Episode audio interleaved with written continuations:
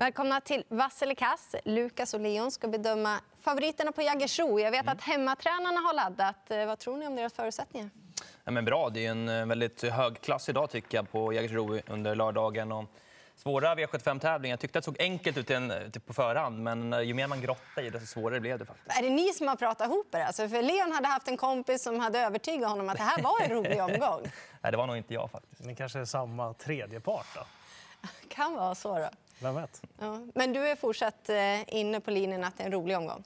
Jag tyckte inte det från början, men ju längre veckan gick så har jag börjat tycka det. Och nu, jag tycker att den ser spelvänlig ut, trevliga lopp och framförallt kul också med lite så årsdebutanter och sånt också som kommer ut direkt på V75. Så att det blir extra svårbedömt. Ja. Men den första favoriten vi ska bedöma det är ju en hemmahäst, sex boll USM. Det är voltstart, det är långdistans, han har springspår. Jag ger honom rött här. Jag tycker att han såg en väldigt bra prestation senast. Men han går upp i klass nu. Det bör bli tuffare.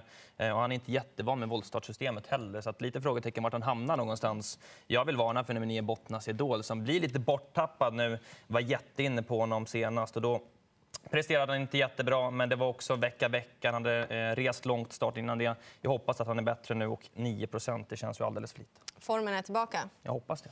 Ja, men det blir rött. Först tänkte jag att det är klart att vem ska annars vara favorit. Men ju mer jag tänker på det som du är inne på, jag vet inte exakt hur snabbt han kan uppnå ur volten även om han har springspår. Och sen den här långa distansen, han kan bli pigg i loppen. Han vunnit på långdistans. Men om han kommer till ledningen, om det skulle lösa sig så, kanske han blir för ivrig också. Och då öppnar upp det hela. Det blir garderingslopp. Fem Juvaraj övertygade senast. Jag vet att du, Leon, varnade för den då. Men då handlar det om årsdebut. Kanske ännu bättre i den här starten. ja, men det står 16 där nu och det var betydligt roligare spelprocent då. eh, rött.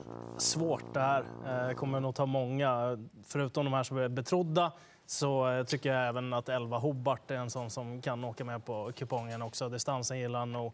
Inga konstigheter där. Så att det får bli många streck här i inledningen. Jag tycker precis som spelarna att det är svårt.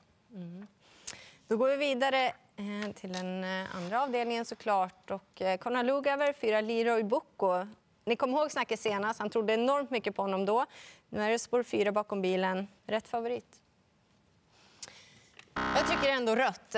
Jag köper snacket till viss del, men inte fullt ut. Utan jag tycker det är riktigt roliga motbud. Nummer tre, Al Pacino, där rycker man skorna. Och sen är jag mest spänd på faktiskt, det är nummer fem, Demon. Ingen aning riktigt hur bra han är mot det här motståndet, men jag har gillat det jag har sett i lopparkivet. Det är en stark och rejäl häst som jag tror kommer hävda sig väldigt väl. Mm, absolut, men jag ger ändå Leroy Boko grönt. Jag tycker att procenten har stannat på en, eh, alltså, en godkänd procenthalt ändå. Eh, Och kommer han till ledningen här så var han väldigt bra därifrån för ett par starter sen. Den amerikanska sulken som man saknar bara. Hade han haft den på då är det en given spik tycker jag. Ja, eh, för mig blir det rött. Jag vet inte riktigt vad jag ska förvänta mig av det här loppet. Jag tror att det kommer bli rätt så bra fart på det här. Det är väl känslan. Al Pacino som du sa är ju en spännande faktor där med barfota. Balansen också. Det är ju en häst som har kunnat gå rätt tuffa lopp och ändå liksom räckt väldigt länge. Eh, lite inne på den här fem Demon också. Jag spelade faktiskt den senast, men då var det ju voltstart. Och nu är det inte voltstart. Och Jeppson får chansen. Amerikansk sulk. Ja, det också. Och sen just det där med att även om den galopperade så fick den väl gå ett jobb efter det då, och förmodligen kanske gått framåt lite också med det. Så att, ja, den lirar jag inte utan nummer fem Demon. V75 3, snackisen utan tvekan. 8 Windmill Jam. Johan Untersteiner, är han så bra som de säger? Alltså, grejen är så han får faktiskt grönt. Eh, för att det är en av få favoriter i omgången som jag verkligen känner för. Eh, jag tycker att de prestationerna som han har gjort, de räcker nog ganska långt i det här gänget. Och vi pratade med Peter Untersteiner tidigare. Han nämnde ju att alltså, positionen är liksom inte avgörande för hästen för han gnuggar på hela vägen in. Så att han får grönt till den där ganska tilltalande spelprocenten. Sen är jag ju väldigt förtjust i nummer två Steady Roger också sen tidigare. Så att det kan nog bli några streck, men det är rätt favorit. Jag är inne på samma sak. Jag tycker att eh, Windmill Jam är given favorit i det här loppet. Banan var inte till hans fördel sist, det nämnde man ifrån stallet där, men han har en oerhörd kapacitet. Man pratar om derbyt med den här fyraåringen så att vi förstår att eh, han är bra nog för att vinna det här loppet. Sen det här med spår 8, han är inte jättestartsnabb. Frågan är vart han hamnar egentligen. Mm så blir det gardering ändå. Även om Ja, det, det blir det, men det är rätt favorit i loppet. Ja, men jag håller med. Jag tycker det är helt rätt favorit också. Eh, han har ju någonting extra den här hästen utan tvekan. Men som ni är inne på, spår 8, det har ju fällt eh, bättre hästar än Windmill Jam. Garderar man så är det fyra Rapid Pal som jag inte riktigt ger upp på. Och sen så är det en, eh, ett kustplus på nummer 9, Habers Jolly som körs av Magnus A. Djuse. Sen i den fjärde avdelningen, det är diamantstoet, det brukar vara klurigt. Nu är det även lång distans. Eh, 11 Athena Face, favorit från tillägg. Ja, jag kan börja här. Eh, två hästar som jag definitivt ska ha med. Det är dels då Thomas Urbergs häst nummer tre, Miking, som visade ganska höga toppar under fjolåret. Eh, låter bra inför årsdebuten också. Och det låter som att det ska komma en bra insats där. Så då tänker jag inte spela utan henne. 4 är väldigt lite på en häst som har visat så pass bra fart tidigare. Och sen nummer 13, Classy Knox. Jag blev ju oerhört glad när jag såg att den var singelprocentare fortfarande när jag tittade i listorna. Så att, eh, formintrycket på henne och just att eh, hon har varit så himla bra utan skor på hovarna är också tilltalande.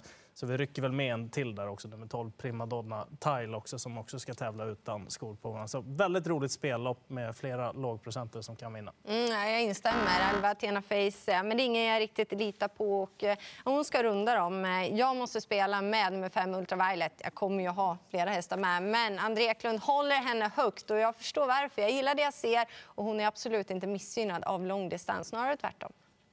Ja, det är också en röd favorit för min del. Det här är jag inne på att S. Mahatma, häst nummer ett, kommer sitta bra på det på innerspår. Skulle Carl-Johan Jeppsson få rygg på ledan, tredje invändigt luckan kommer sista biten så kan hon avsluta väldigt vast. Och sen en jag vill varna för också, 7 Future Socks som flög fram på Momarkens tunga bana senast bakom Patrik Palema. Det är en bra norsk häst det eh, och eh, bara 12 procent där just nu. San Motör kommer inte till start, eh, eh, men vi ska väl ta en till avdelning först. Femte avdelningen, vid storna ska vi ha också. Fyra Global Creation, blev trött senast, nedstruken till sport 3. Blir det spets och slut? Eh, Jag kommer gardera. Eh, Ledningen kanske hon tar, men eh, det är en spårtrappa där också. Det är en väldigt trevlig proposition på det sättet. Så det är blandad klass och så är det kort distans också. Eh, Det känns som att det kan gå undan. Jag känner tveklöst mest för nummer sju, Nova Mairon. Har varit bra i årsdebut sedan tidigare. Avslutade fjolåret på ett kanonsätt, vann från utvändigt ledan då. Eh, Nova Mairon lite framåt i stilen. Ah, barfota också, Eh, det gillar jag skarpt. Så att, eh, ja, jag plussar för henne. Jag är helt inne på Leons linje. Nova Mairon skulle kunna vara en tänkbar chansspik. Jag är inne på att hon kanske kan ta sig till ledningen rent av. Global Creation fick en het häst på sin utsida sist. Jag tror inte att man vill ta emot en sån häst som Nova Mairon här och jag tror att man släpper även om man säger annat från stall just nu. Sen kan det bli tempo på loppet också. Då kommer en sån som Inimini Minimo DK komma in i leken. Så att eh, 7 och 12 är de som jag tycker sticker ut. Mm, ja, men det blir ändå rött. Hon kan absolut ta tag i senaste loppet på bra sätt, Global Creation, och eh, får en fin resa och är den som är först över mål. Men jag vågar inte lita på det. Det kan ha satt sig i benen också. Jag tycker ni har nämnt faktiskt de två viktigaste, men jag tycker överlag att det är svårt lopp. Är det någon här på top 7 som ni absolut eh, vill varna för? Förutom de ni har sagt. Nummer ett Rapunzel där kan ju öppna väldigt vasst och kan väl vara en sån här som tar hand om sjätte, sjunde priset. Sen så är det väl ingen som kanske vinner, men långt ner. Eh, Defs Daffodil, barfota, tjänat 2 miljoner. Den som har nummer ett i loppet har tjänat ungefär 600 000. Bra sammanfattat. Nu kommer vi till eh, största loppet, Palary- Palary- Paralympiatravet, deltävling 4 och 5 Vero Kronos är favorit. Mm. Eh, jag kommer definitivt att spika nummer tre, Oscar Ella, i det här loppet. Han brukar vara jättebra i sina årsdebuter. Det låter bra från Joakim Lövgren. Visst, Verre Kronos kanske tar ledningen och han kanske går undan därifrån. Då får jag ta det. Jag tror mest på nummer tre, Oscar och Jag tror att han kommer få ett kanonår i år.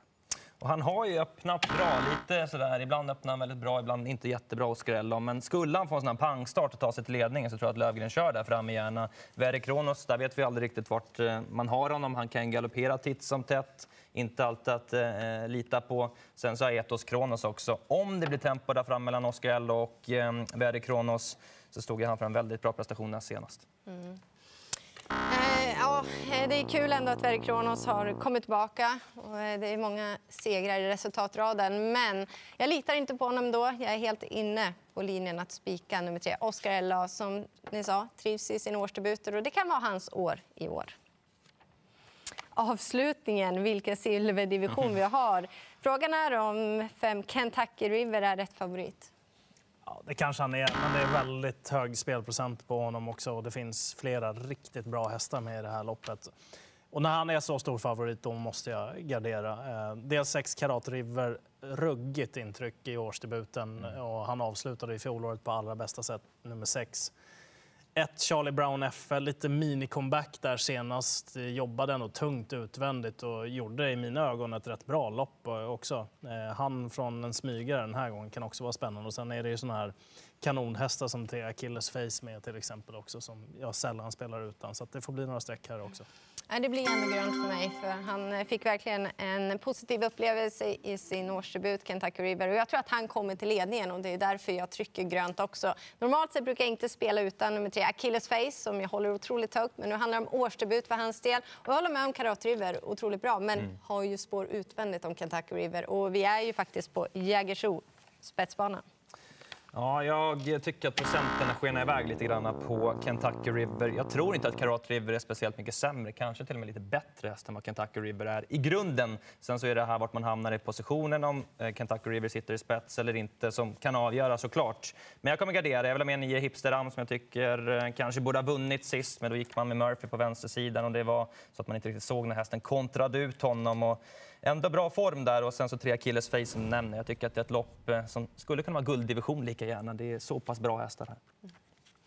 Ja, men ni hör, toppsport och även toppspel. Det har både Lukas och Leon blivit överens om här senare under veckan. Stort lycka till på ert V75-spel.